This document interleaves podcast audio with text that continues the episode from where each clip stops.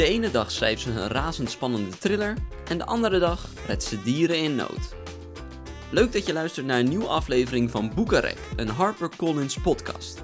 Ik ben Sjors en in deze aflevering ga ik in gesprek met de Amerikaanse thrillerauteur Mary Kubica. De afgelopen maanden zat Mary Kubica, zoals eigenlijk bijna iedereen op de wereld, thuis in quarantaine. Op zich was dit niet per se een hele grote verandering in haar leven, want als schrijver was ze toch al meestal thuis aan het werk. Waar ze wel moeite mee had, was dat ze niet kon helpen bij het dierenasiel waar ze normaal gesproken vrijwilligerswerk doet. Kubica is een groot dierenliefhebber en verrast haar familie regelmatig met nieuwe huisdieren die bij het asiel gedumpt worden. Zo is de collectie aan huisdieren al aardig uitgebreid. Of haar man en kinderen het er nou mee eens zijn, of niet. Glad to be joined on the Boekarek podcast by the author of the book De Onbekende Vrouw, also known as The Other Mrs., Mary Kubica. Welcome. Thank you for having me. I'm excited to be here. Yeah, thank you for joining us. How are you? I'm very good. How are you? Yeah, I'm great. I'm great. It's still uh, we are in a little bit less quarantine right now here in the Netherlands, so everything is going a little bit smoothly. But how uh, how is quarantine treating you? I am in Chicago and we're starting to open up a little bit. So it's been nice to be able to get out of the house. And um, the town that I live in, we're starting to do some outdoor dining. So it's nice to be able to return to a little bit of normalcy. We still have a long way to go, but um, it's it's much better than it's been the last number of months. Oh, good. Okay, so uh, it's it's opening up a little bit, but uh, the last two months you have been confined to your home. We've been um, only kind of essential services were open. So you could go to the grocery store and things like that. But um, beyond that, for the most part, you could do outdoor activities. I'm a runner, so I was able to run outdoors the whole time. But um, you know, you were supposed to be just with your immediate family and things like that. So it was hard to go for this length of time and not see friends or even extended family. You know, I went for a couple months without seeing my parents who only live an hour away. So that that was difficult, but it's nice to be getting back. Yeah. I hope that the um the numbers of the COVID cases stay low. I'm I'm worried, you know, that there might be a resurgence, but we'll see. Has Chicago been uh, a bad case of uh, of this virus? You know, it, it has been kind of bad. Um, we've been, we're, our numbers are down for sure now, but at its worst, we were reporting over 2,000 cases Oh wow. which is which is very high. So, um, but but it seems like things are improving. Oh yeah, well that's great, and hopefully it will stay that way. I agree. Yeah. All right. Is there any stuff you did uh, during the quarantine that you didn't do uh, in your quote unquote normal life? I think that the the biggest change is just having um, my husband and my kids home all the time. You know, they they're normally at work and at school, so um, so that was different. I mean, obviously, as a writer, I spend a lot of time at home. I work from home, but I'm not used to having people at home with me when I'm trying to work. And then my kids were finishing up their school year, and a lot of that was um, on the computers. And so that that was different just kind of helping them figure out how to do that and making sure they were getting all their assignments done. So um, i feel like there was just a, a shift you know it was more um, just making sure that everybody else was doing what they needed to be doing. And um, it definitely impacted my writing just because i'm i'm used to the quiet and kind of having that how the house all to myself. And and that has not happened for the last many months but but it's I think it's great that you have your kids around that much. I, I it is. And they're um they're 12 and 14 years old. So they're at that age where they really don't want to hang out with their oh. But it's been nice that they've been forced to spend time with me. No no they're still uh, still small still the preteens and not uh, spreading their wings and flying away. They have to be at home right exactly. Yeah. Well is there any stuff you you really miss? You you said about seeing your friends and uh, and doing some social stuff. Is there something in particular you thought um, well in my normal life i could i did this all the time and now i can't? Yeah you know i mean i think just the ability to like go to somebody's house or go out to dinner with somebody you know things that we take for granted usually and then just to, to absolutely not be able to do it. Um, the other thing that i really miss I, I, volunteer at an animal shelter near my home but because of the quarantine they've had to um, many of the animals did go into foster homes and they've had to um, stop visitors and volunteers from coming into the shelter. So that's something that I love, and I haven't been able to do that for about three months now. So I, I miss being involved there and getting to see the animals and that kind of thing. So I'm hoping they're they're hopeful that by July we'll be able to open up again. Yeah, are you a, a, an animal person then? Yes, I always have been. Um, and then I volunteered at the shelter for about 10 years now. Um, and I, I just love it. I love working with the animals. We have quite a few here ourselves. We have three cats. Um, we did have four, but we lost one earlier this year. Um, and all of all of our cats have come from the shelter where I volunteer. So, is there is are there a lot of animals that uh, get leave, uh, left behind at the shelter?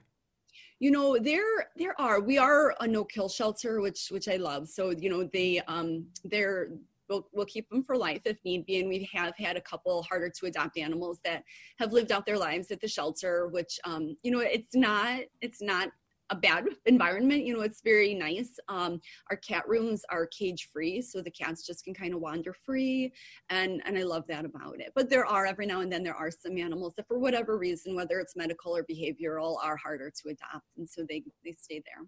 And once in a while, you take home a cat. I do. They do. they follow me home. How does your family respond to that? they tolerate it. okay. Oh, mom has brought a cat again. I think that's really nice that you work with the animals. But uh, now that uh, that uh, the shelter was closed, does that mean the animals stayed there, or? Yeah, so we have a number of um, staff members who paid employees who who have still been able to go in just in small numbers so that they can um, you know keep their social distancing.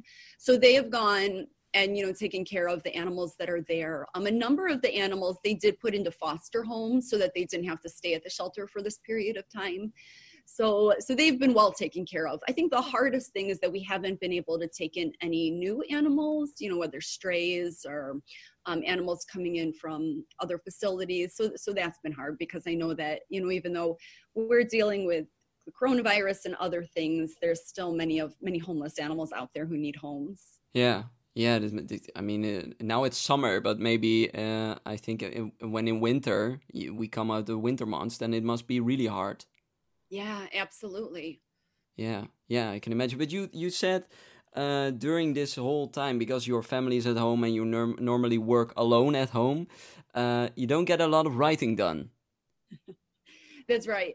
I um I think for me writing is just it's such an immersive experience. You know, I feel like I kind of take on the role of my characters and you know i i just really become that part for while i'm writing. And so it's hard when you know i'm starting to write a scene and you know mom you know someone's calling me from the next room and um, they need help with something. And I, i'm not complaining. I, love being a mother too but it's just you know it's hard to really lose myself in the writing so to, to, to get in the flow that's harder yeah, absolutely. Yeah, but it doesn't mean. Do you have uh, normally a whole uh, writing process? Do you really close yourself off from the world, or uh, how does that go for you? Yeah, I do. I um I I started many years ago getting in the habit of waking up very early in the morning, and um, this was when my kids were still small and home home most of the day before they started school. Um, so I'd get up very early and I'd write for a few hours in the morning before anybody was up. And it is something that I that I I still do. You know, I love those early morning hours most of all. Um, but yeah, I mean, when when they're in school and I have the house to myself, I can write up to you know six to seven hours a day, and um, I just yeah, I don't know. It's it's something that I love. I've, I've loved writing since I was a little girl, so I feel very fortunate that I can make a career out of something I love so much. Have you always wanted to become a writer then? You know, I always loved writing, but um, I when I was younger, I was very shy about my writing. It was one of those things that was very private to me. So I, I loved to write, but I didn't love to share it with anybody. Um, and I always knew I wanted to be a teacher, though. So before I became a writer full time, I worked as a teacher for a few years. Um, and then I stopped teaching when my daughter was born. And it was then that I shifted to writing full time and, and started um, selling my books. And do you come from a family of, of writers or, or were you the first one? I'm the first one. Um, you know, I, I had a cousin, I have a cousin who she liked to write and, and she was the one that kind of got me going when we were both young girls. Um, but beyond that, um, no, there are no other writers in my family. Everybody is a big reader though. And I think that, that they go hands in hand. You know, I grew up just loving to read. My parents always encouraged us to read and, you know, we took regular trips to the library and so we always had many books around the home and i think that that inspired me as well. Yeah and you said we, we when your uh, daughter was born you decided now i'm i'm going to be a writer. But uh, did it mean you uh, had some idea yet with what you did, did you have a story uh, in your uh, in your head that you thought now is the time to write a story you know, I, I, started writing my first The Good Girl right after my daughter was born. Um, but when I started writing it, you know, I, I, had written many things that were never published, many not finished in the years before that. So when I started The Good Girl, I thought it was the same. You know, I didn't have any idea that I would finish this book or go on to sell it to a publisher or, you know, any of the things that happened after. I just start i had this idea and i started writing it but i did quickly become consumed with that book in a way that that it really hadn't been anything i had written before that time. And so you know i i just i knew that i owed it to myself to finish that book and it was the first time i felt really like i had written something that was good enough that i would want to try and see if i could get it published and and thankfully everything worked out. Yeah yeah and now here we are. But when did you decide that yeah you wanted to become a writer? You started writing but why then become a, a thriller writer? That's such a good question. I get that one a lot. Um, i usually say that that it the genre found me versus the other way around. I'm i'm not one of these writers that plans my books out in advance. I don't outline them or anything. I just i get an idea and i start writing and you know see what leads me and so with The Good Girl, um, which was the first thing I wrote that had any of those thriller elements to it, um, I didn't know that I didn't know that was the way the book was going to go. You know, I start I started writing what I thought was a love story, and then you know just one day kind of dreamed up one of the twists and threw that into the book, and you know then that gave me another idea, and I went with that. And by the time I was done, you know I had written this thriller, and I, I never I didn't set out to do it, but um, I just loved creating that mystery and you know having that big surprise ending and, and elements like that the reliable narrator just things that i think come to love in a thriller novel. And as a writer i loved putting them into my book. And so it was kind of by accident that i started writing in this genre. So does that mean when you start you start a book writing a book that you don't necessarily have an ending in mind or a whole plot in mind I don't. I mean, sometimes I do. With this this latest book, I did I did have the ending in mind, but but it's actually rare. It's more often that I have you know my starting point, and maybe I know who my characters are going to be, or at least my main characters, but I have no idea you know what the ending is going to be or how these different storylines are all going to come together. Um, and it does. There are moments of panic where you know I worry that it's not going to come together, or I'm not going to think up that big twist at the end. But inevitably, somewhere along the writing process, there's that aha moment where it just kind of all comes to me. And I think that that is my favorite part of the writing process when all these ideas just come together and I can see the ending. Are you a, a perfectionist uh, yourself? I am a bit of a perfectionist, yes.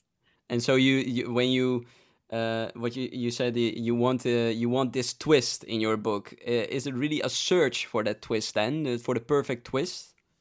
It is, and I feel like the thriller genre has been so popular in the last number of years and there are so many incredible authors writing in this genre and so it gets harder and harder to dream up that big twist you know and so i think that i'm always thinking you know well what can i do that somebody else hasn't done?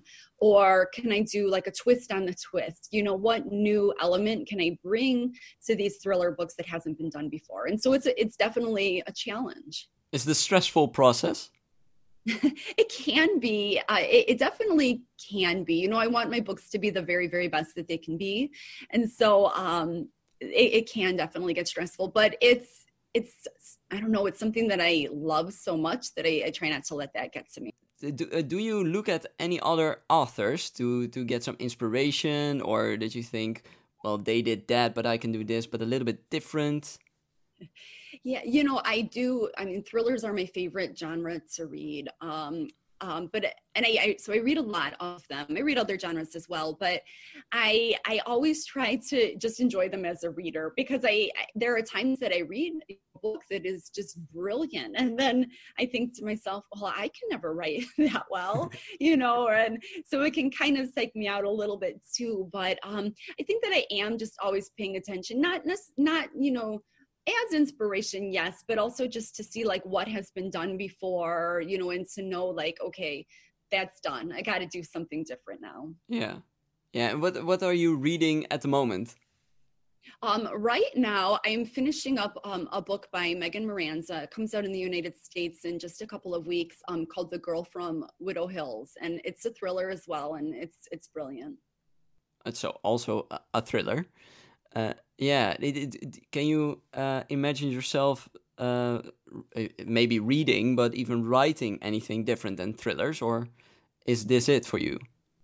I every now I, when I was a teacher, I taught history. So every now and then, and I, I love to read historical fiction novels, and so every now and then I do think maybe I would like to try a historical fiction novel, but um, you know the the research that these authors put into these books and just their ability to you know completely transport the reader to a different time and place is it just amazes me. You know, I definitely have to do some research in my books, but the majority of it I get to make up. And there's there's um there's fun in that just to kind of see where the story goes. And um, there's a lot of freedom in it too. So i don't know you know I, I, I think about wanting to write historical fiction but i don't know that i will ever do it. I just i really do love the thriller genre. But you said this the your first book started as a, a kind of love story.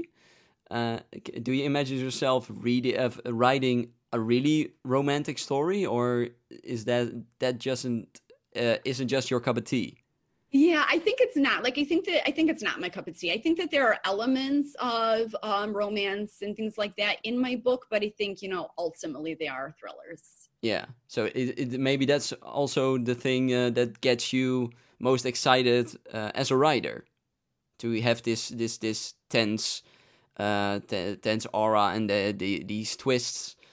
Um, so it maybe a, a romantic story wouldn't do as well for you, maybe. Right. I agree. I think that I don't know that I would be as excited to write it. And then I think readers too, you know, they come to um, they come to know an author and what an author writes. And so I don't know if I was to write, you know, more of a romance. I'm not sure that that readers would want that from me just because they're so used to reading thrillers from me. Yeah, and they like it. I mean, the the Misses is a is a great success, and um, you even sold the movie rights already, right? Yes, yes, to Netflix. How how is that uh, process going? Yeah, you know, things are kind of on hold right now because of, of the current um, COVID situation, but it's just beyond my wildest dreams, you know, to think of Netflix making this into a movie. Um, they have a screenwriter right now who's just finishing up the screenplay, and then I guess we'll have to see, you know, sort of how how things go um, over the next few months to see when they can start casting and and filming. But I'm just I'm I'm so thrilled that I know that, that it's in great hands and I can't wait to see what they do with it. Must be really exciting then. So exciting. Yeah. Yeah. Yeah, but I mean, you you've written a lot of thrillers that become bestsellers. Yeah, now it's your one of your thrillers is becoming a movie. What's the next thing for you? You know, I'm working on my next book. I'm always writing. Um, so I think, yeah, that's that's pretty much it. Just just writing and kind of um, you know, going on to the next thing, dreaming up the next idea, and hopefully an, another big twist. And but in this period that you can't, of yeah, can't write as much as you would like, it's still coming. It, you know, it's it's not. Um, I'm not writing as much for sure, um, but I, I think that you know I'm still writing a little bit, and i feel like i'm always i'm always plotting in my head no matter what i'm doing. You know i feel like i'm always trying to think of possibilities and different ideas of what i can be writing about. So it's one of those things that you know just because i put the computer away it doesn't mean that i'm not still thinking. No it's still all going on in your head. And you said you're you're a runner. Is is running like for you um a thing that uh that generates more ideas? It does it does. I, I love running. I've been a runner for much of my life but um it it's one of those things that yes i'm always thinking when i'm running and um sometimes i think that when i'm running you know when you get tired then i feel like i, I just start thinking i don't know I, I think that the thoughts come a little bit more easily when i'm out there on the trail or on the road and um it just isn't as distracting so yes i definitely am always plotting when i'm out there running And one of those ideas is becoming your next book. Hopefully Yeah. Well, really, uh, we are really looking forward to it. Um, for now, I want to thank you for joining me on the Boekenrek podcast, uh, Mary Kubica. yeah well thank you so much for having me here today Het is dus nog even wachten op de verfilming, maar het boek, De Onbekende Vrouw van Mary Kubica, is nu verkrijgbaar in alle on- en offline boekhandels of kijk even op harpercollins.nl. En dat was het weer voor deze aflevering van de Boekenrek podcast. Wil je nou nog meer gesprekken horen met jouw favoriete auteurs, zoals bijvoorbeeld Karen Slaughter, Charlotte Tex, Jeroen Winmeijer, noem maar op? Kijk dan even op Apple Podcast, Spotify of alle andere podcast apps. Voor nu wens ik je nog een fijne dag, blijf thuis, blijf gezond en blijf vooral lekker lezen. Tot de volgende keer.